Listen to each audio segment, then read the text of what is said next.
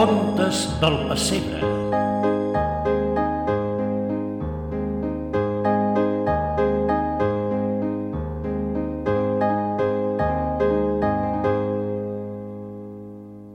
Quan arriba Nadal, la nostra voluntat es transforma. Voluntat, és a dir, la facultat específica de l'ésser humà de voler, de determinar lliurement els seus actes, poder fer o no fer una cosa. I fent ús d'aquesta voluntat, ens desitgem un bon Nadal i un millor any. Hi ha, doncs, l'esperança, la voluntat que tot millori i puguem de nou recomençar per recuperar allò que de bo ens hem deixat pel camí. Així, tot recomença, just en el moment de l'any que reneix, aquell infant, símbol d'una salvació i exemple de l'amor que ens devem els uns als altres.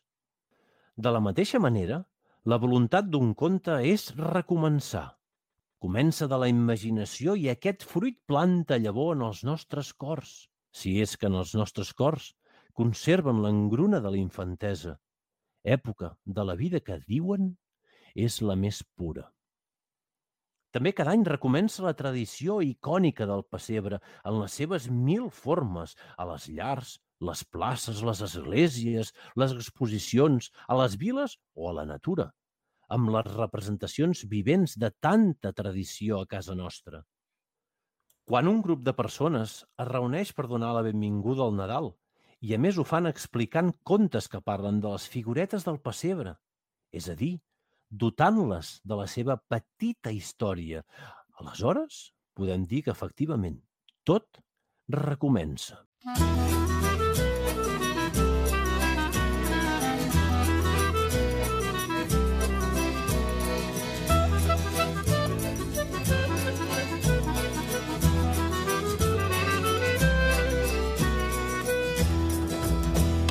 Les nits de desembre tan llargues, tan llargues, els pastors estan sols, entre el vent, entre el vent, contemplant la foscor de la terra, la terra, i en el cel hi ha l'estrella, l'estrella d'Orient.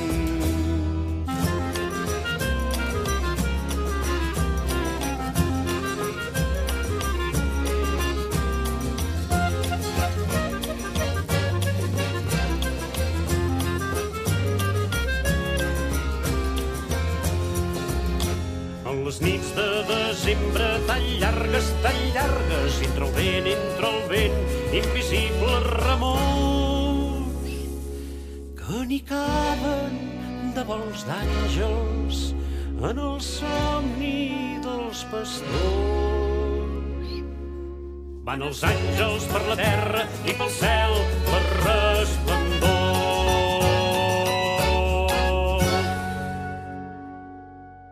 A les terres de Betlem hi havia un munt de ramats amb els seus pastors i pastores que els cuidaven. Moltes nits s'aplegaven al ras, entorn d'un foc i d'una ulleta de sopa, i menjaven, i cantaven, i després es posaven a dormir fins que el dia clarejava. Cada pastor tenia un nom i un mot i una història que us volem contar perquè ells són unes pastores i uns pastors ben especials, que recordem cada any en posar les seves figuretes al pessebre. Aquesta és una de les històries, la del petit llenyataire. L'Isidret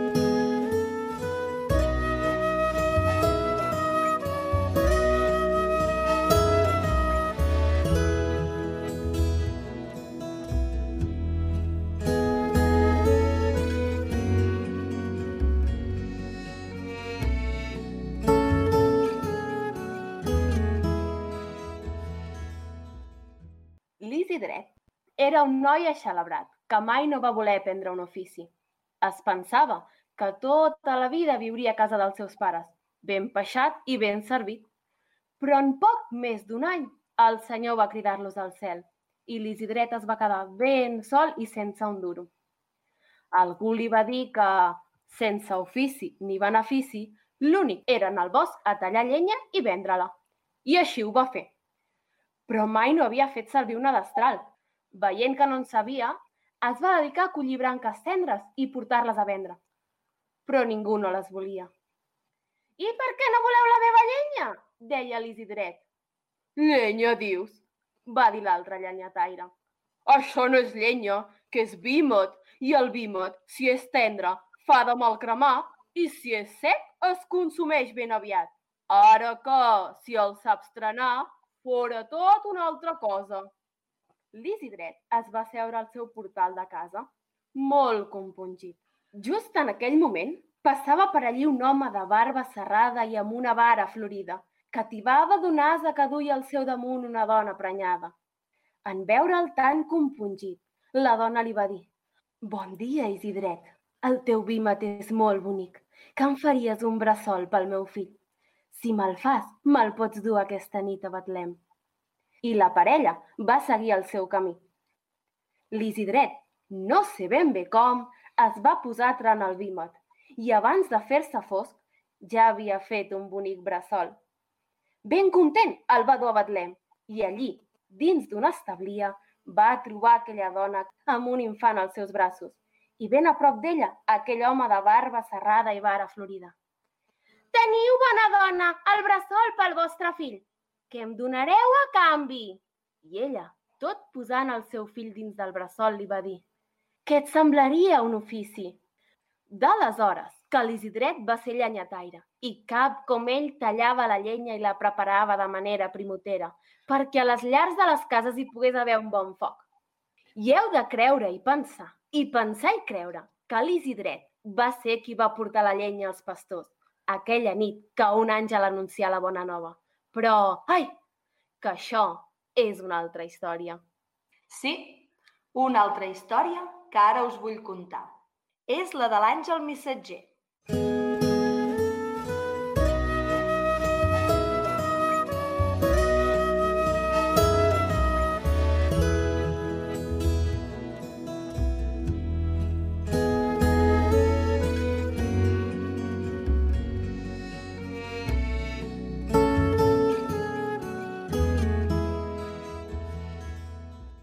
Tothom sap que un àngel va anunciar als pastors de Betlem que Jesús havia nascut. Però potser el que no sabeu és que va anar d'un pèl, o millor dit, d'un cabell d'àngel que aquest angelet no fes la seva feina. Com va anar la cosa? Ja us ho diré. Tot ve del dia que la Rosa, la bugadera dels àngels, va anar al safreig a rentar els llençols on dormen els àngels. Nostre Senyor havia encarregat la feina d'anunciar la bona nova als pastors, a un àngel missatger jove i amb poca experiència. Per això, havia pres totes les mesures necessàries perquè no fallés res aquella nit del solstici d'hivern al turó de l'Estel. I què va fer? Doncs escriure les paraules que havia de dir en un d'aquells llençols que la Rosa havia de rentar i estendre perquè el sol l'aixugués. Aquell dia, però, la Rosa es va entretenir més del compte. Xerra que xerraràs. I l'àngel missatger, au, espera que espera.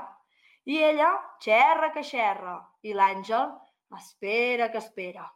I tant va esperar que la fi va decidir anar al turó per fer l'anunci sense el llençol. Rosa, què fas? va dir una veu que venia del cel. No havies de dur aquell llençol a l'àngel missatger. Ai, mareta, va dir la Rosa, i ara què faré? I més de pressa que corrents, va replegar el llençol i va anar a cercar l'àngel. Però en arribar no el va trobar i es va emportar un ensurt de mil dimonis, mal m'està de dir-ho. Dos querubins que passaven per allí li van dir que l'àngel missatger havia anat al turó de l'estel i la Rosa, cuita corrents, hi va anar. I no em creureu si us dic que va arribar just quan l'àngel havia començat a anunciar la bona nova, amb la veu tremolosa perquè no recordava del que havia de dir. Glòria a Déu a les altures, bons pastorets, uiu, uiu. Aleshores la Rosa va desplegar el llençol, que volant, volant, va anar a parar les mans de l'àngel missatger, que va poder llegir tot el missatge que Déu Nostre Senyor havia escrit al llençol. Que què deia el missatge? Doncs deia Bons pastorets, escolteu, i d'alegria enjoieu les vostres ànimes pures. Que avui és nat un infant en el fons d'una establia. Seguiu la llum del llantió i adoreu la criatura, que ens ha vingut a salvar i us omplirà d'alegria. Ai, les figuretes del pessebre! La filadora, la Caterina de les Oques, el vell pescaire i també el caganer. Sí, sí, sí, el caganer. Perquè a Catalunya un pessebre no és complet si no porta el seu caganer. Però i per què un caganer i no un pixaner, per exemple? Doncs no, és un caganer. I és un caganer que ensenya el cul. Sempre he pensat que el caganer és un pastor que es va perdre l'Anunciació i que Nostre Senyor el va castigar a de ventre aquella nit i ja no poder anar a veure Jesús, fins que no vaig saber que el pobre pastor va ser un heroi anònim. I ara us vull explicar la seva història.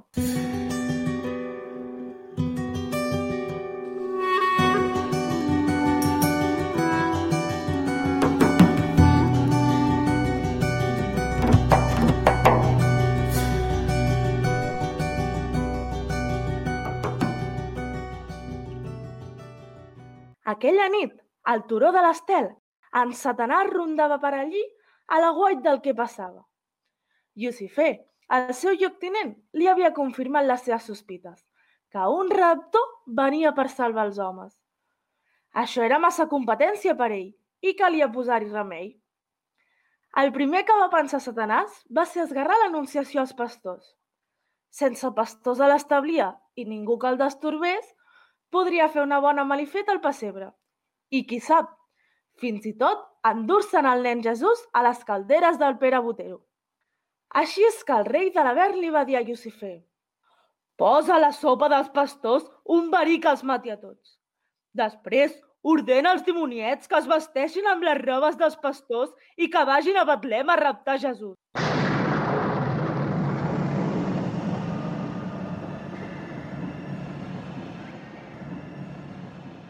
Aquesta conversa la va sentir un pastor que s'havia endarrerit i, tot seguint a Lucifer, va veure com ficava el verí dins l'olla de la sopa dels pastors i després feia un forat a terra perquè els dimoniats sortissin de l'infern un cop tots els pastors fossin emmetzinats.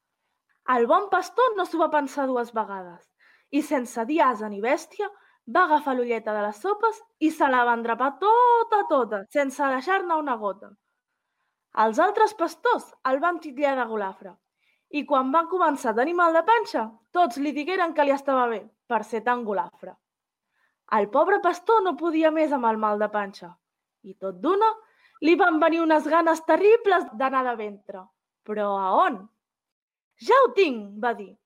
Aniré de ventre damunt del forat que Lucifer ha fet perquè surtin els dimoniets. I així ho va fer. Es va baixar les calces, va fer la gatzoneta, és a dir, fer arronsar les cames perquè el cul toqui els talons. I au, aquell forat per on havien de sortir els dimoniets es va omplir de caganyons del pastor, que fins i tot van arribar fins al mateix infern i ho van podegar tot. Déu Nostre Senyor, que tot ho veu, li ho va agrair i el va salvar de morir enverinat.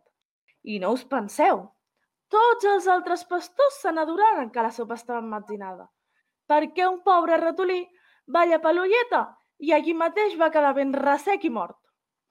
Tots li agraïren i en memòria d'aquella feta, nosaltres hi posem un caganer al pessebre.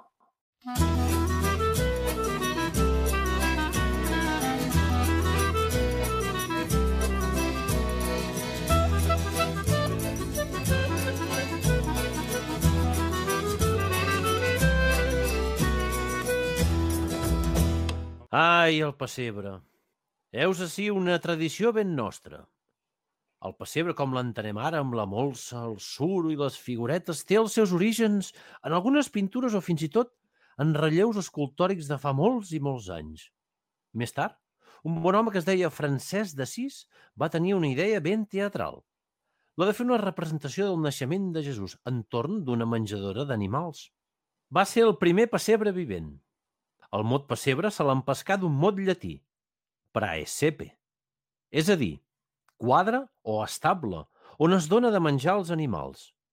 Per això muntem els nostres pessebres una establia on hi posem un bou i una mula. No en va? És casa seva, oi? És a dir, que el pessebre vivent, que es va inventar Francesc d'Assís, va ser l'abans dels nostres pessebres casolans, plens de figuretes. Però voleu saber com va ser que Josep i Maria van anar a parar al pessebre de la Raquel, l'hostalera de Betlem? Ara ho sentireu.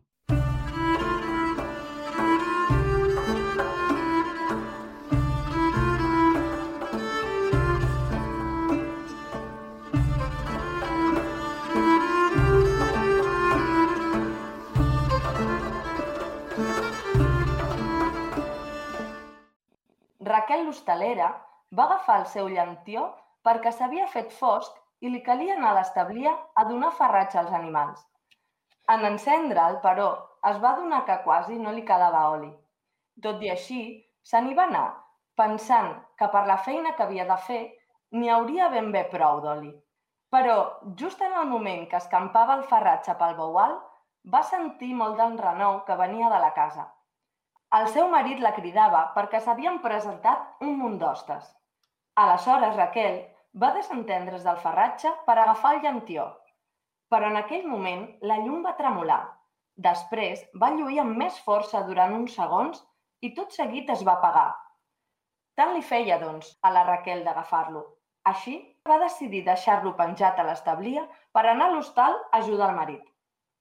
A l'endemà ja no se'n recordava del llantió i per la nit, quan el cercava, va fer memòria de que l'havia deixat damunt del pessebre. Va agafar una mica d'oli i el va anar a buscar. Però, vet aquí que en sortir al pati, va veure que pel finestró de l'establia en sortia una lleu resplendor. Sorpresa, es va gratar el cap i va dir «Qui hi haurà encès aquella llum? Jo no, i del cert del cert, que ahir el llantió que vaig portar es va pagar per manca d'oli». Raquel va anar cap a l'establia i amb gran sorpresa va veure que, malgrat no hi quedava ni gota d'oli, la llàntia era ben encesa. I fent-se creus va dir «No hi ha oli, però ben que il·lumina. És ben cert que aquest llantió no es vol apagar. Doncs deixem-lo que segueixi fent llum fins que ell vulgui. Vosaltres voldríeu saber quina mena de llum misteriosa era aquella que lluïa el llantió i mai s'apagava. Sens dubte, no era degut a un oli màgic i ni tan sols a una espelma d'aquelles que duren i duren. El que va passar és que un estel menut s'havia hostatjat en el llantió per guiar certes persones cap a aquell establia. I gràcies a la llum del llantió de la Raquel, Josep i Maria van fer cap aquell pessebre suaument il·luminat. I la llum del llantió va seguir il·luminant perquè els pastors i els reis sabessin que en aquell establia havia nascut Jesús.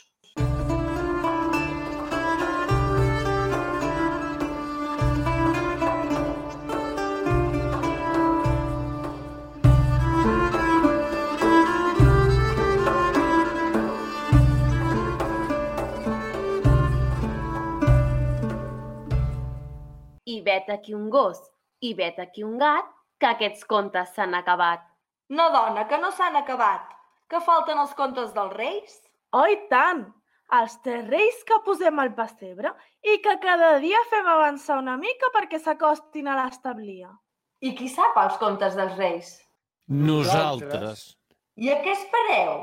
Au, expliqueu, ni que sigui el conte d'un rei. El blanc, per exemple.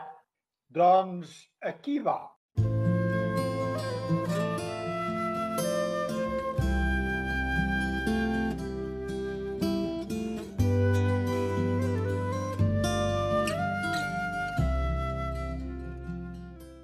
De tots els mags coneguts que hi havia a tot el món, Melcior era el més vell. Ningú no sabia els anys que tenia i si en tenia tants com Matusalem, que, diuen, va arribar a tenir-ne 969. Però, tot i els seus anys, era considerat una eminència en el camp de l'astronomia. Va ser ell qui va alertar els mags Gaspar i Baltasar de l'estrella viatgera. Tots tres havien coincidit a una trobada de mags a Persèpolis i s'havien fet molt amics. D'aleshores ençà, mai havien deixat d'escriure's i compartir les seves descobertes. Melció hauria marxat tot sol per seguir l'estrella premonitòria, però la seva dona li va aconsellar que, de primer, enviés el seu patge Mel a preparar el camí. Més d'un cop, el seu ímpetu havia dut Melció a situacions molt perilloses. Quan era jove, prou que s'espavilava, però ara, amb tants anys, el més probable hauria estat que es perdés enmig del desert. Per convèncer-lo que es quedés, la dona d'en li va dir que la seva feina era de preparar molt bé el viatge i pensar quins regals podria portar per si calia oferir-los a algú. Després de molt barrinar, va pensar que si a qui havia d'anar a veure era un rei, que alhora era un déu i un home, els regals havien de ser or, perquè és l'ofrena que es fa als reis, encens, que és l'ofrena que es fa als déus, i mirra, que és l'ofrena que es fa als homes terrenals. Així és que va preparar una maleta amb tots aquests presents. Va escriure en un pergamí la profecia i li va demanar a Mel que partís i esbrinés el seu significat.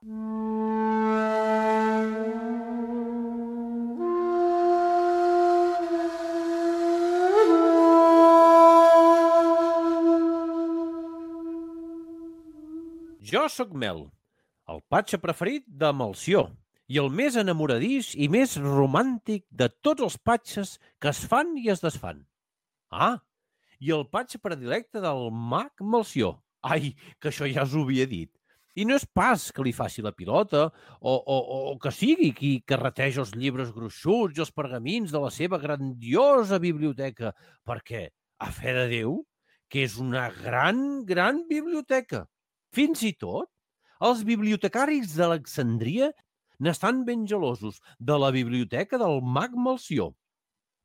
Al mag Melció li agrada que llegeixi. Potser li agradaria que m'aficionés a llegir llibres d'astronomia i d'aquesta manera tenir algú a qui llegar els seus coneixements. Però és que jo som molt romàntic i m'agrada més la poesia i les històries d'amor. Ai, i tot perquè estimo Liolà. Ai, Liolà! Ella és la culpable del meu romanticisme. Liolà, la noia més bonica, més encantadora, més encisadora de tot el reialme. Però a Liolà no li agraden els llibres romàntics. No. Sabeu què li agraden? Els llibres d'astronomia. Jo et flic Prou que voldria que es quedés mirant-me embaladida mentre li recito un poema que li he escrit.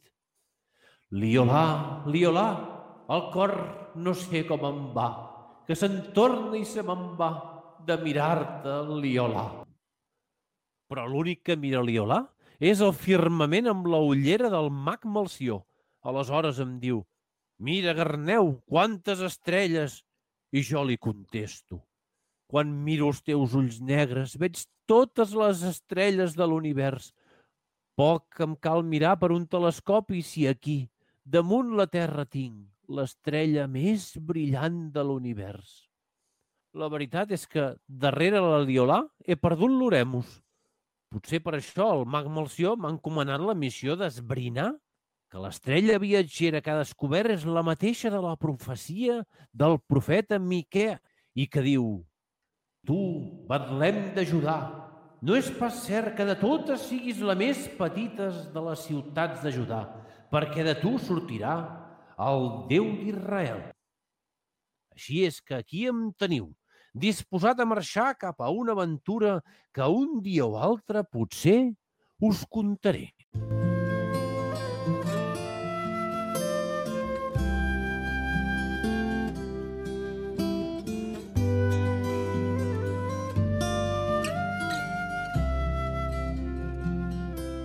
Aquesta nit han passat. Han posat la mà als balcons. Han posat la mà als balcons. Els somnis dels infantons han granat van tornant. A llur reialme confús, a llur reialme confús, a regnar-hi tot pensant en Jesús. Heu sentit avui el cor matinejador dels nens, heu sentit el rastre d'or,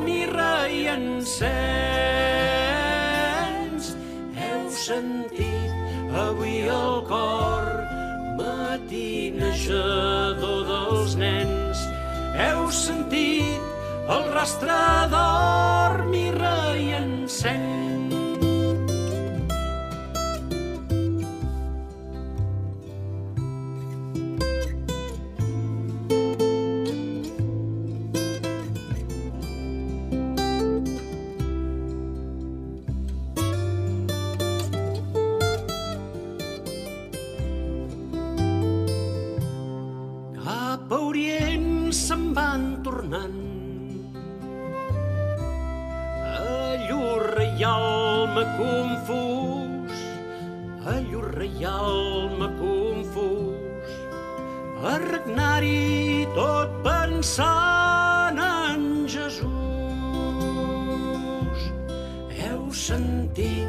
Avui el cor matinejador dels nens, heu sentit el rastre d'or, mirra i encens.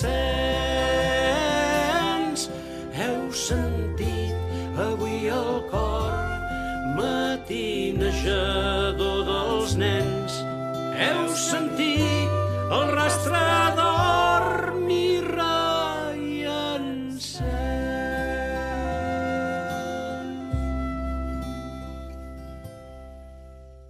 Contes i més contes. La vida n'és plena de contes, tants contes que ens podríem passar la vida explicant contes.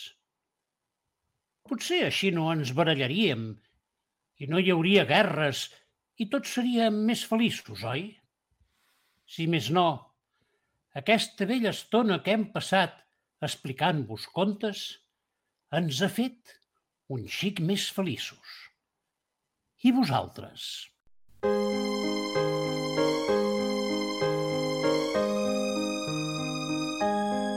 El grup Blaugrana Escena us ha ofert Contes del Pessebre d'Ignasi Roda Fàbregas.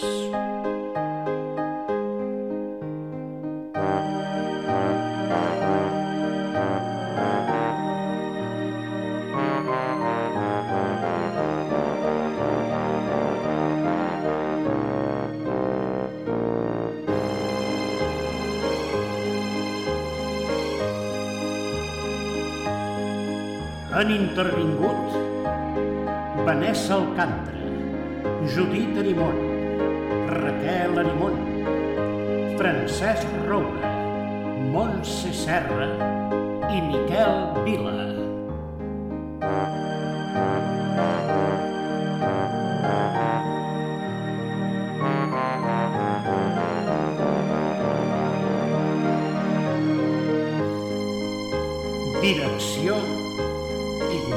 Roda. Una producció radiofònica de Blaugrana Escena. Bon Nadal!